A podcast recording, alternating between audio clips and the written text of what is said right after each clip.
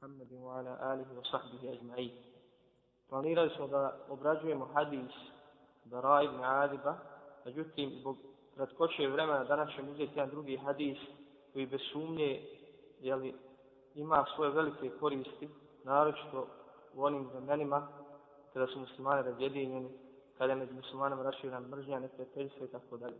Hadis se bilježi u debu Hureyre, bilježi ga muslim, kaže عن أبي هريرة رضي الله تعالى عنه قال قال رسول الله صلى الله عليه وسلم لا تحاسدوا ولا تناجشوا ولا تباغضوا ولا تدابروا ولا يبع بعضكم على بيع بعض وكونوا عباد الله إخوانا.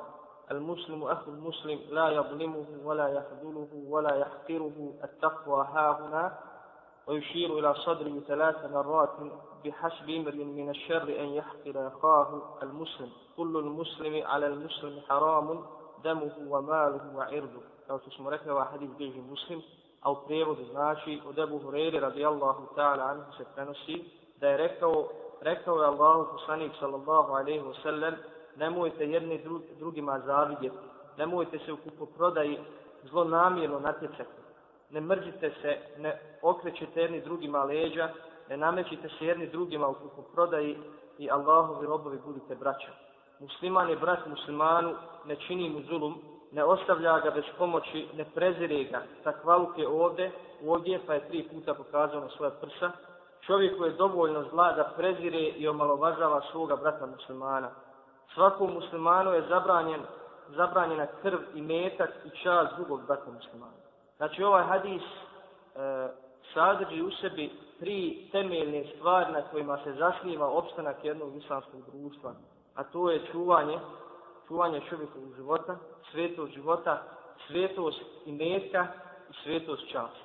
Te tri stvari Allah Đelešanu je učinio sveti među muslimanima. Prva stvar koja se navodi u hadisu je hased zavist, kako kaže poslanik sallam, volate hased, nemojte međusobno jednim drugima zaviditi. Šta je hased?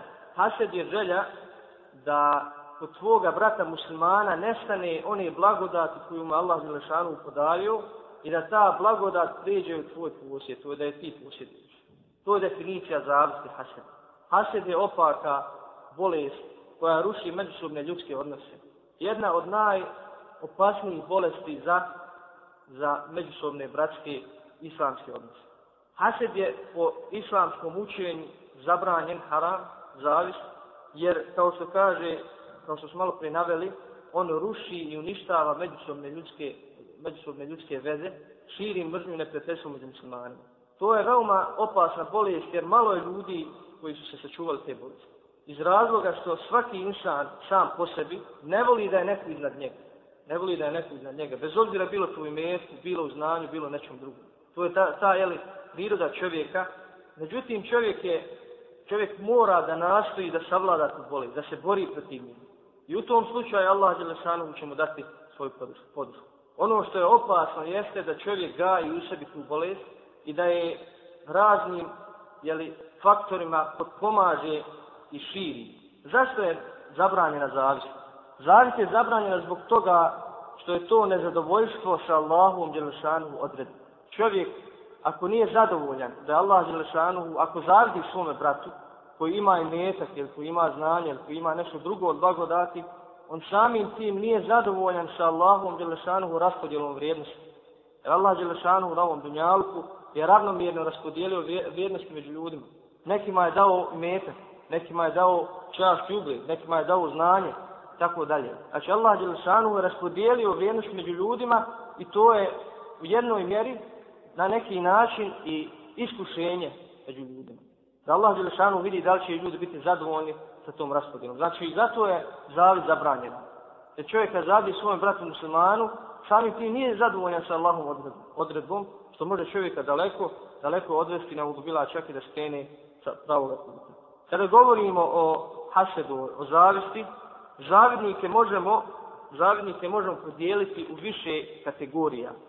Prva kategorija su oni zavidnici koji žele i nastoje da uklone blagodat od svoga brata muslimana, znači onome kome zavide, a to učine nasiljem, riječima ili, ili dijelima i na kraju žele da ta blagodat koju, koju mu Allah Đelešanuhu dao da ona pređe u njegovu, njegovo, njegovu posjed, da je on posjedni. To je najgora vrsta zavisi. Znači da želiš da tvoj brat izgubi blagodat i da ta blagodat pređe kod tebe. Druga kategorija zavidnika su oni zavidnici koji nastoje da odstrane, da uklone blagodat od svoga brata muslimana, ali ne žele da pređe u njihov posjed. Također je ova vrsta jedna od naj, najopakijih vrsti zavisti. Znači čovjek zavidi svojom bratu muslimana nekoj blagodati koju mu Allah Đelešanu podario i želi da, da je on izgubi, ali ne želi da je posjedi. Ne želi da je on lično posjedi. Treća vrsta, treća kategorija zavidnika su oni koji zavide svome bratu muslimanu, ali ne čine ništa što postiče na zavis. To jest ne čine nasilje riječima, dijelima prema onome kome zavide. Znači oni zavide, međutim ništa ne, ne rade da bi činili nasilje svome bratu muslimanu i da bi uzupirali od njega tu blagu. Ovi treći koje smo naveli mogu biti u jednom od dva stanja. Mogu biti u jednom od dva stanja. To je da ga ova bolest nadvladava. Da ga nadvladava i u ovom slučaju ne čini grijeh.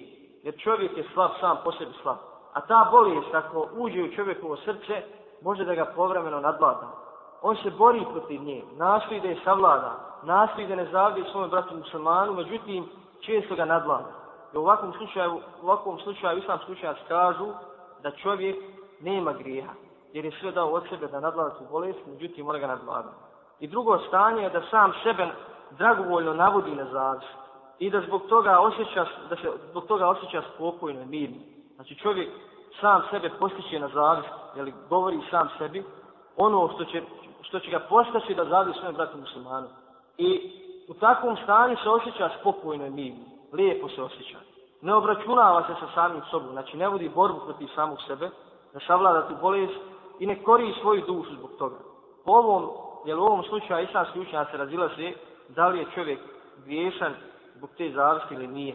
Međutim, ono što je jače jeste da je čovjek, čovjek u ovom slučaju griješan zbog, zbog takve vrste zavisti. Jer ništa ne radi, ništa ne ulaže da pobjedi tu opaku boli srce. Četvrta kategorija zavidnika su oni zavidnici koji kada pri sebi osjete zavist, trude se da je ostrani. Čine dobročinstvo prema onome, prema kome zavide, tako što ističu njegove vrijednosti, njegove vrline među ljudima. I mole za njega kada su našamo. Mole u kuću i za njega kada su našamo. Ovakva vrsta, jeli, ovaj postupak je pohvalan i čovjek nema, nema griha, nego čovjek upućuje na iskrenost njegovog vjerovanja. Znači čovjek može da oboli od te bolesti. I kada se pojavi, kada osjeti ko sebe zavis, trudi se da je, da je prevaziđe da je pobjedi.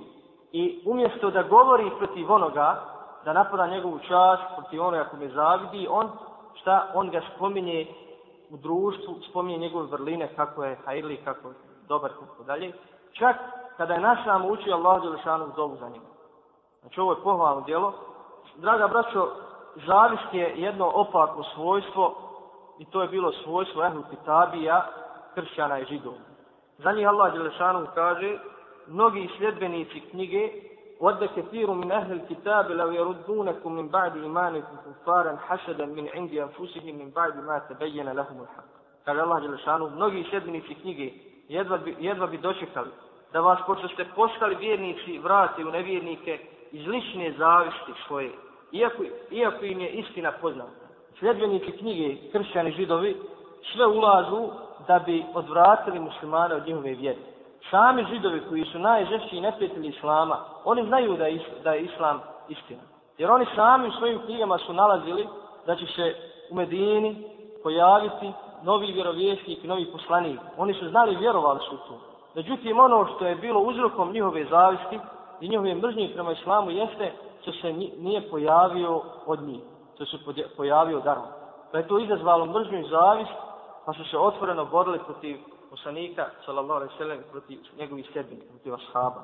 I oni danas dan znaju židovi da je islam istina. Međutim, danas dan ulažu sve napore da, se, da, se, da odvraćaju muslimane od njihove vjere, da danas vladare koji vladaju svijetom, da ih okome na muslimane, naročito na one, na misionare koji pozivaju Allahu Đelešanu u vjeru. I mi smo svjedoci toga, jel, da, su, da su danas židovi izvor nereda, izvor ratova koji se vode protiv muslimana na zemlji. To je zbog njihove, njihove bolesti, njihove zavisti e, zbog koje je, zbog koje, koje je njihova srca, zbog, zbog koje su njihova srca postala crna, tako da ne mogu, jeli, da se, da se otarese i da se, da nadvladaju tu bolest. Također Allah Đelešanu kaže, am jahsuduna nase ala ma atahum Allahu min fadli. Kada govori o židovima, kaže uzvišen Allah Đelešanu, ili ljudima na onome što im je Allah Đelešanu iz obilja svoga darovao zavidu. Ovdje kod ljudima misli se na poslanika Muhammeda sallallahu alaihi sallam. Znači oni su zavidjeli na poslanstvu koje je dato Muhammedu sallallahu a on je od Arapa. I zavidjeli su ashabima na imanu, zbog toga su povjerovali poslanstvu i stede Allahu poslanika sallallahu alaihi sallam. Kaže Ibn Abbas, jeli, potvrđujući ovo, ovo tumačenje u gajeta, kaže, oni su zavidjeli na, na, na poslanstvu i zavidjeli su ashabima na imanu u poslanika sallallahu alaihi sallam. Kao što smo rekli danas sedbenici, sinovi majmuna i svinja, za, jel danas islam slučajnač kažu za židove da su, da su majmuni i svinje, kaže, sinove majmuna i svinja i danas dan vode borbu, otvorenu borbu protiv islama i muslimana i najžešći su, ne, najžešći su neprijatelji islama. Kao što smo rekli, draga braćo, zavist je opaka bolest koja je u stanju da sruši najčvršće veze koje postoje. Primjer, najsvetiji, najsvetiji i najjasniji primjer je primjer Akuba Selam, i njegovih sinova, to je primjer Jusuf a.s. Oni su bili direktnim uzrokom njegovih iskušenja. Oni su zbog zavisti prema Jusufu a.s. oni su šple, iz, izveli spletku tako što su ga bacili jeli, u onaj bunar, pa je poslije dospio u zarobljeništvo, postao je rob, pa je poslije toga poslije, jeli, dospio i u zatvor. Sve je to uzrok njihove zavisti prema Jusufu a.s. Kur'an kada o tome govori kaže إذ قالوا ليوسف وأخوه إذ قالوا ليوسف وأخوه أحب إلى أبينا منا ونحن أسبة. إن أبانا لفي ضلال مبين. اقتلوا يوسف أو اطرحوه أرضا يخل لكم وجه أبيكم وتكونوا من بعده قوم صالحين. قال قائل منهم لا تقتلوا يوسف وألقوه في غيابة الجب. يلتقطه بعض السيارة إن كنتم فاعلين. Pogledajmo do, dokle zavist odvela Jusufov braću. Oni su iz zavisti što, što Jakub a.s. više boli i više naginje Jusuf a.s.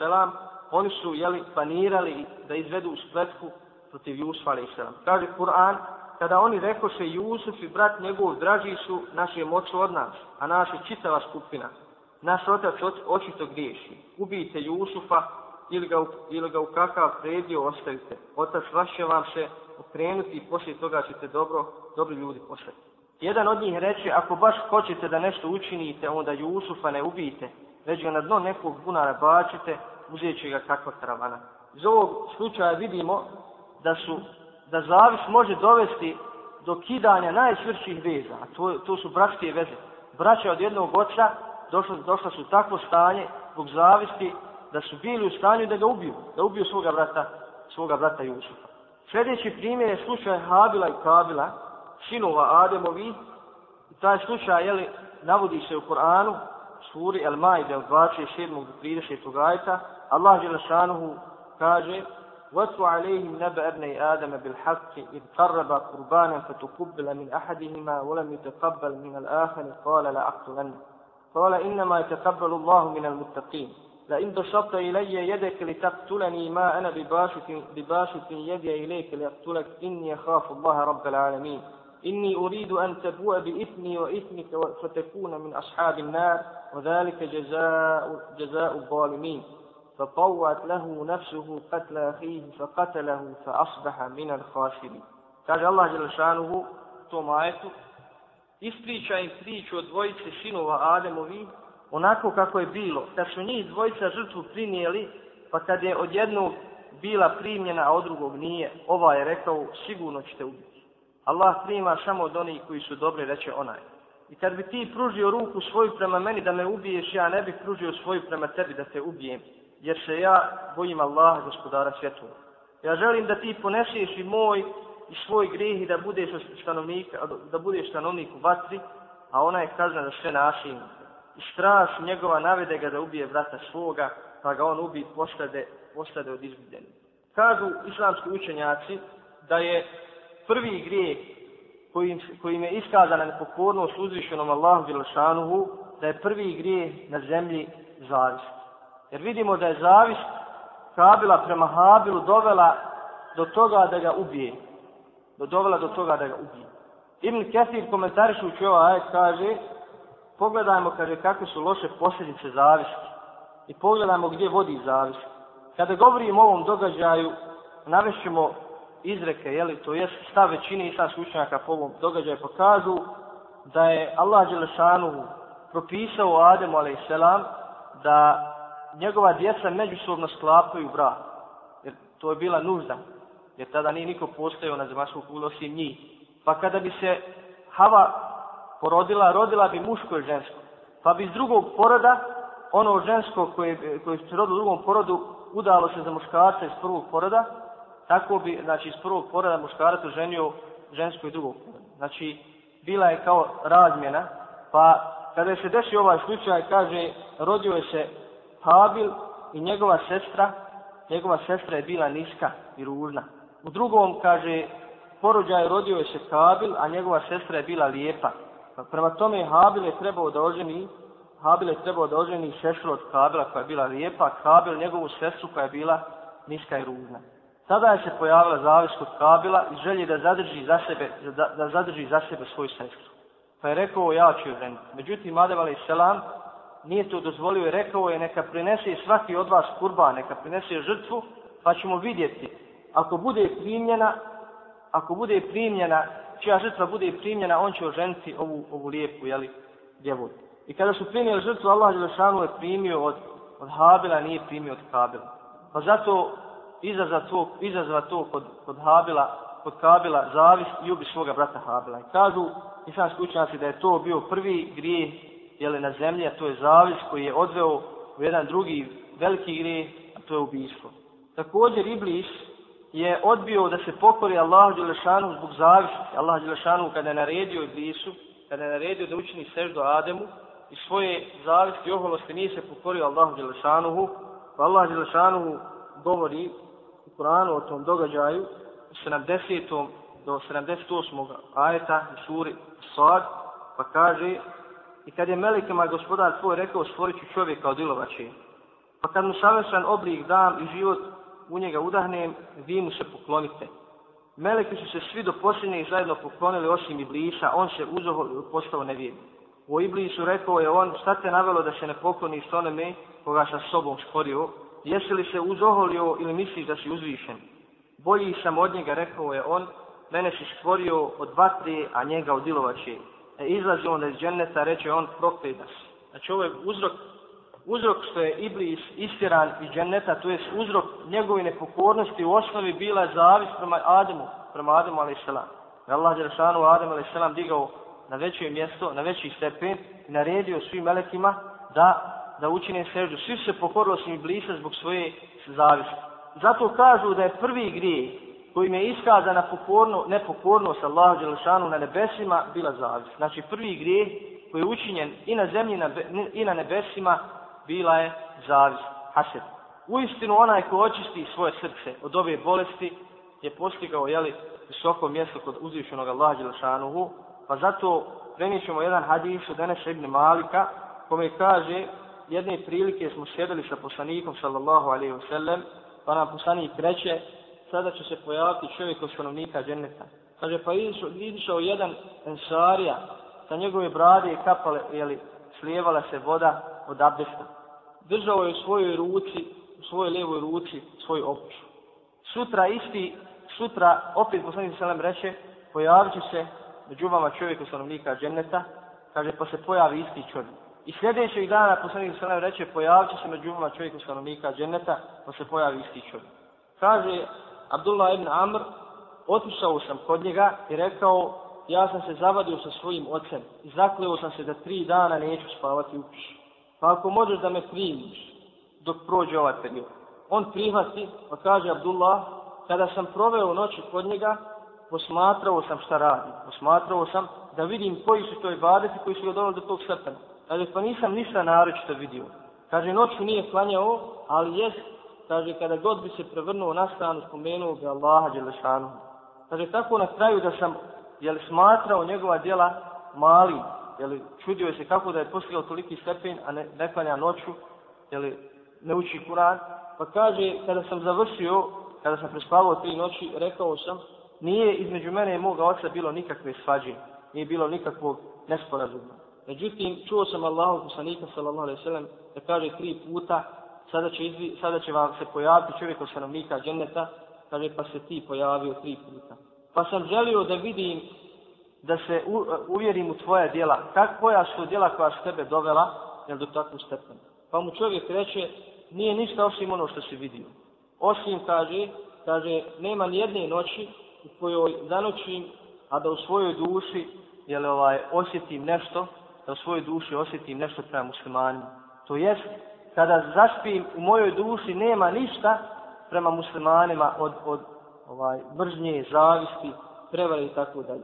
Kaže, na to Abdullah ibn reče, Abdullah ibn Amr reče, to je ono što je te dovelo do tog šetanja. U istinu danas lahko je čovjeku da izvršava one obaveze kojima je Allah Đelešanu zadužio kao što je namaz, kao što je e, čuvanja od zinalka, kao što je krađe i tako da, čuvanja od krađe i tako dalje. Međutim, ono što je teško čovjeku da savlada jeste, jesu o, poroci, jesu bolesti njegovog srca. A jedna od najvećih bolesti jeste, jeste zavr.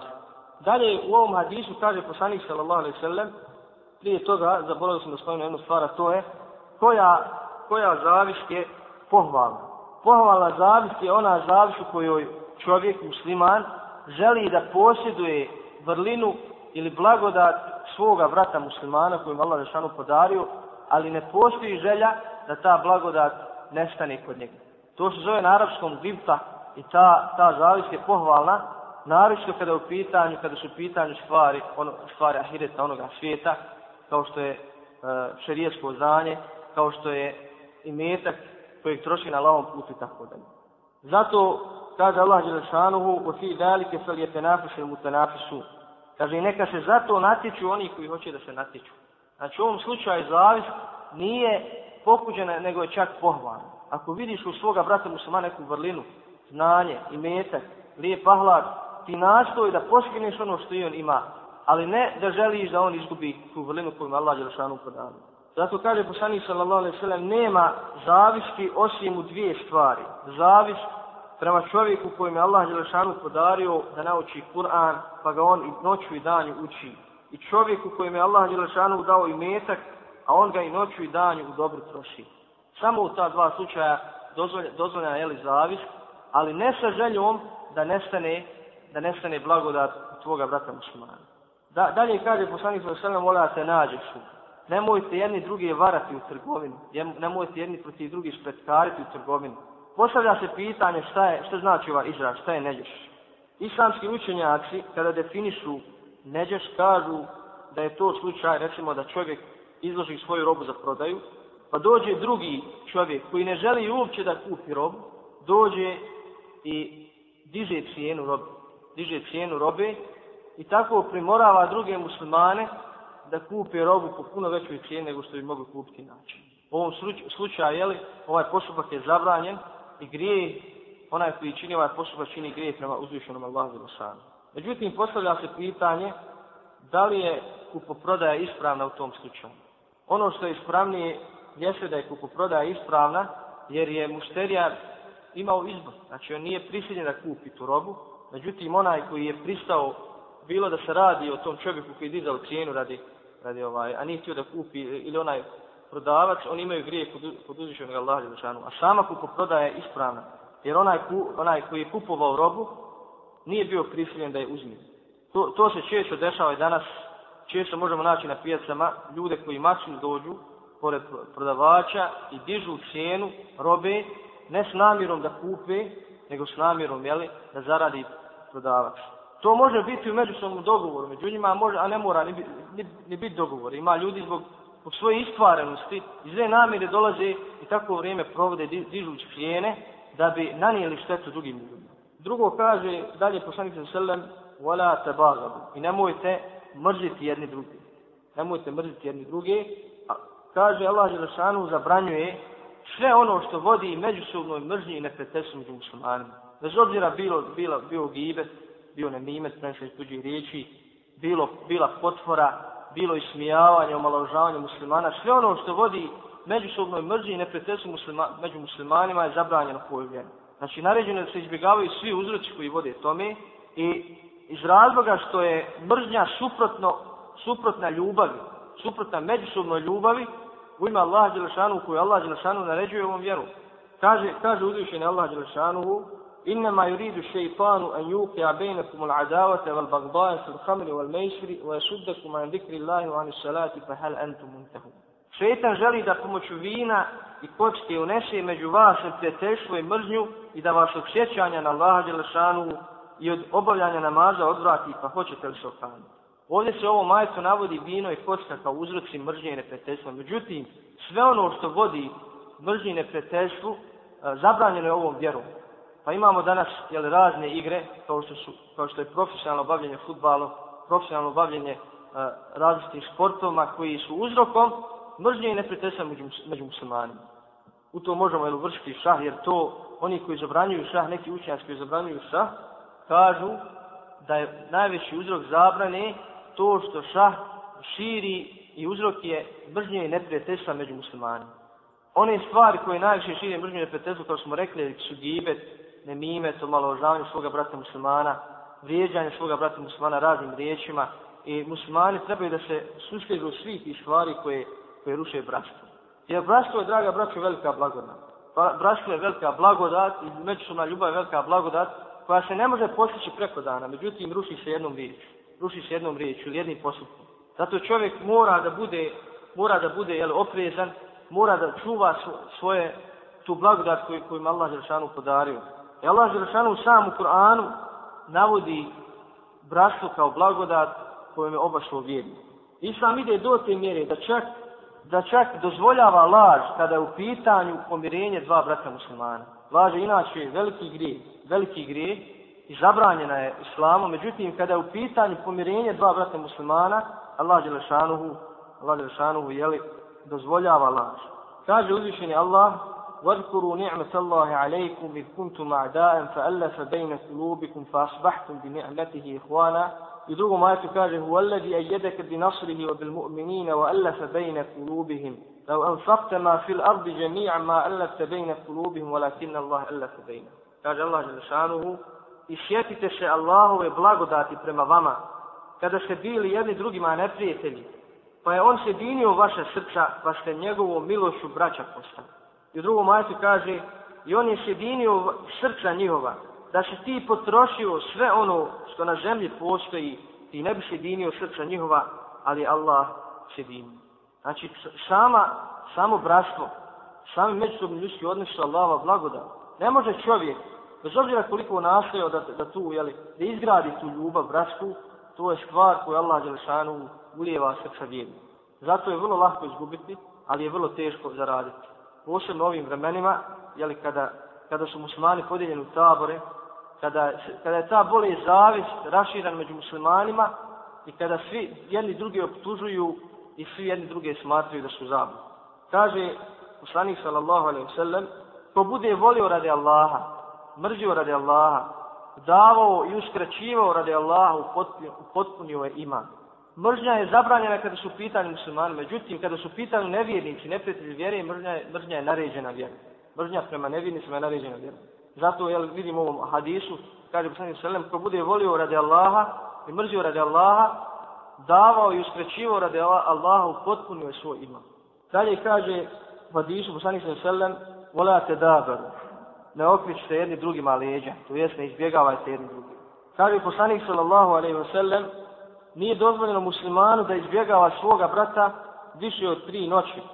Kaže, međusobno se susreću, pa ovaj okreće leđa od ovoga, a ovaj od ovoga. A bolji je onaj koji prvi počne sa selamom.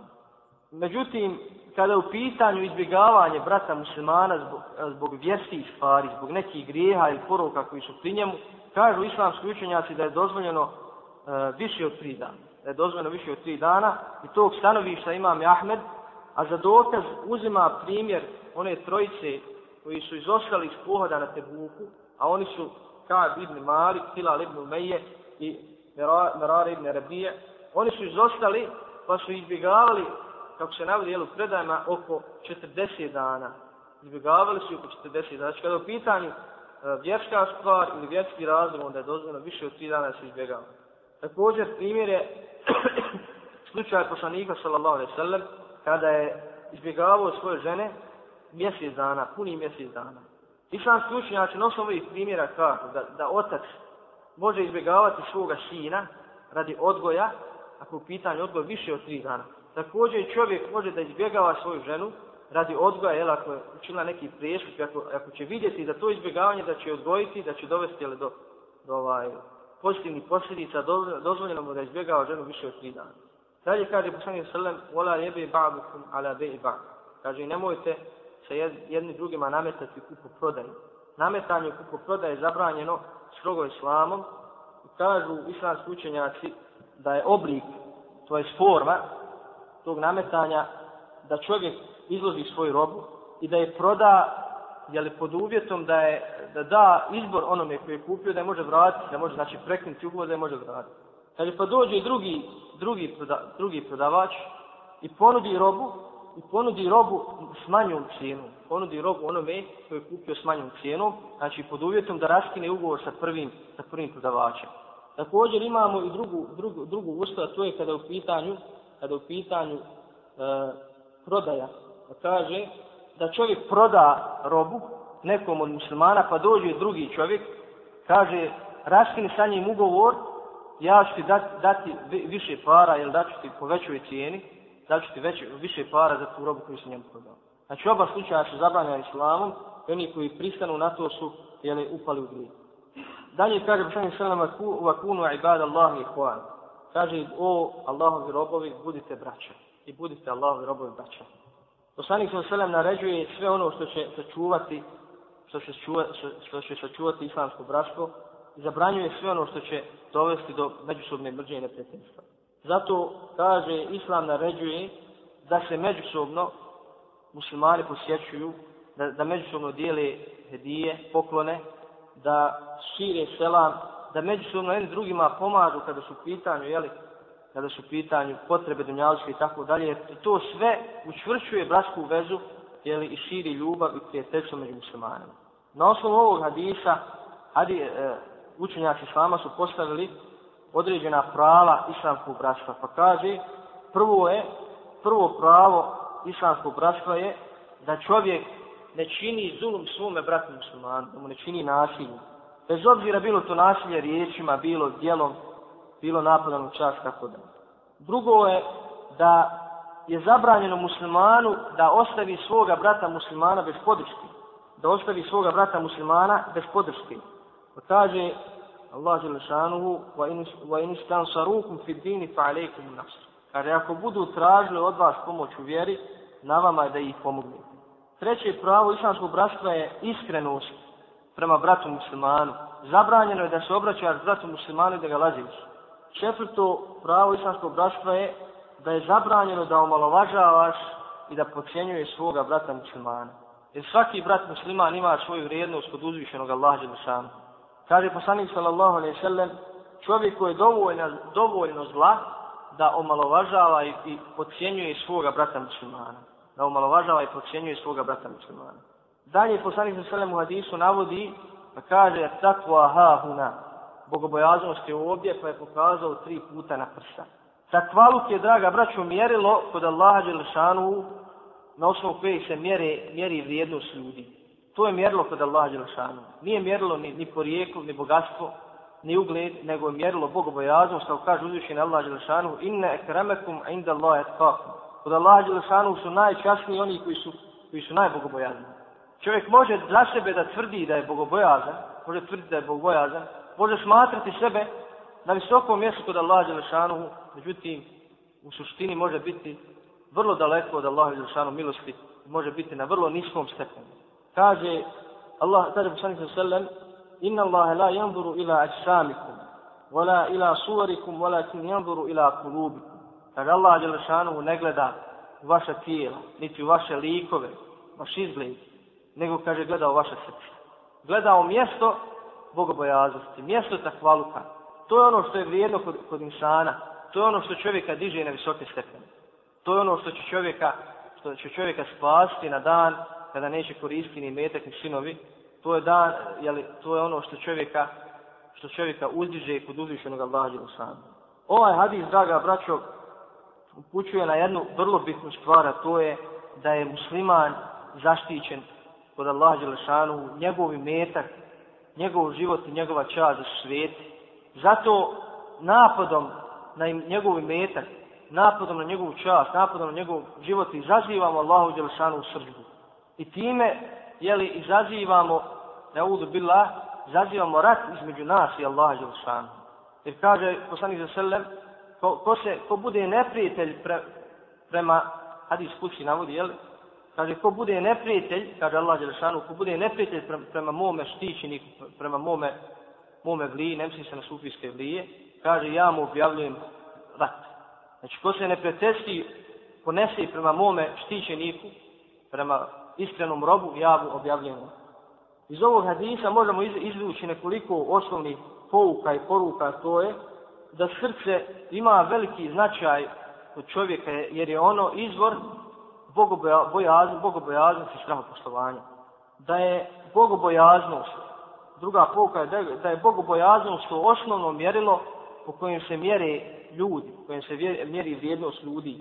I treća koristim, treća pouka je da Islam se bori protiv svih osobina koje ruše red i mir u islamskom društvu i koje ruše međusobne ljudske odnose.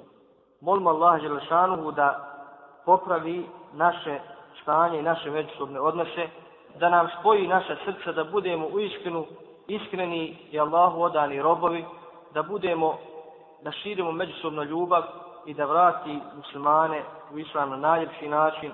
Na kraju molim Allah Đelešanu da sve ovo što smo jeli, proživjeli ovih dana, da bude to od za sve nas, da bude na vagi naših dobrih dijela, u istinu, u istinu je blagodat živjeti u ovakvom društvu, u ovakvim okolnostima, u ovakvoj sredini, kada čovjek se izoluje od svih poruka ovoga vremena i svih stvari koje ruše i narušavaju njegov iman. Ono što smo zaradili ovdje od jeli, znanja i od lijepog ponašanja, treba da to sačuvamo kada se vratimo našim kućama i da prenesemo i naše iskustva drugoj braći, kako su ovakva druženja, kako su jeli, ovakvi skupovi od velike koriste za sve nas. Molim Allah da, da nam oprosti svima ako je bilo međusobni neki jeli, uvreda ili nesporazuma, da jednim drugima halalimo i da nas Allah Đelešanu ponovo okupi na ovakav način u većem društvu, jeli, sa većim koristima i na kraju da nas okupi na onom svijetu jeli, u hladu njegove milosti. Kulu kao li hada, stakru Allahi velikum, velakum, Allahi velikum, gafur rahim. Assalamu alaikum wa rahmatullahi wa barakatuh.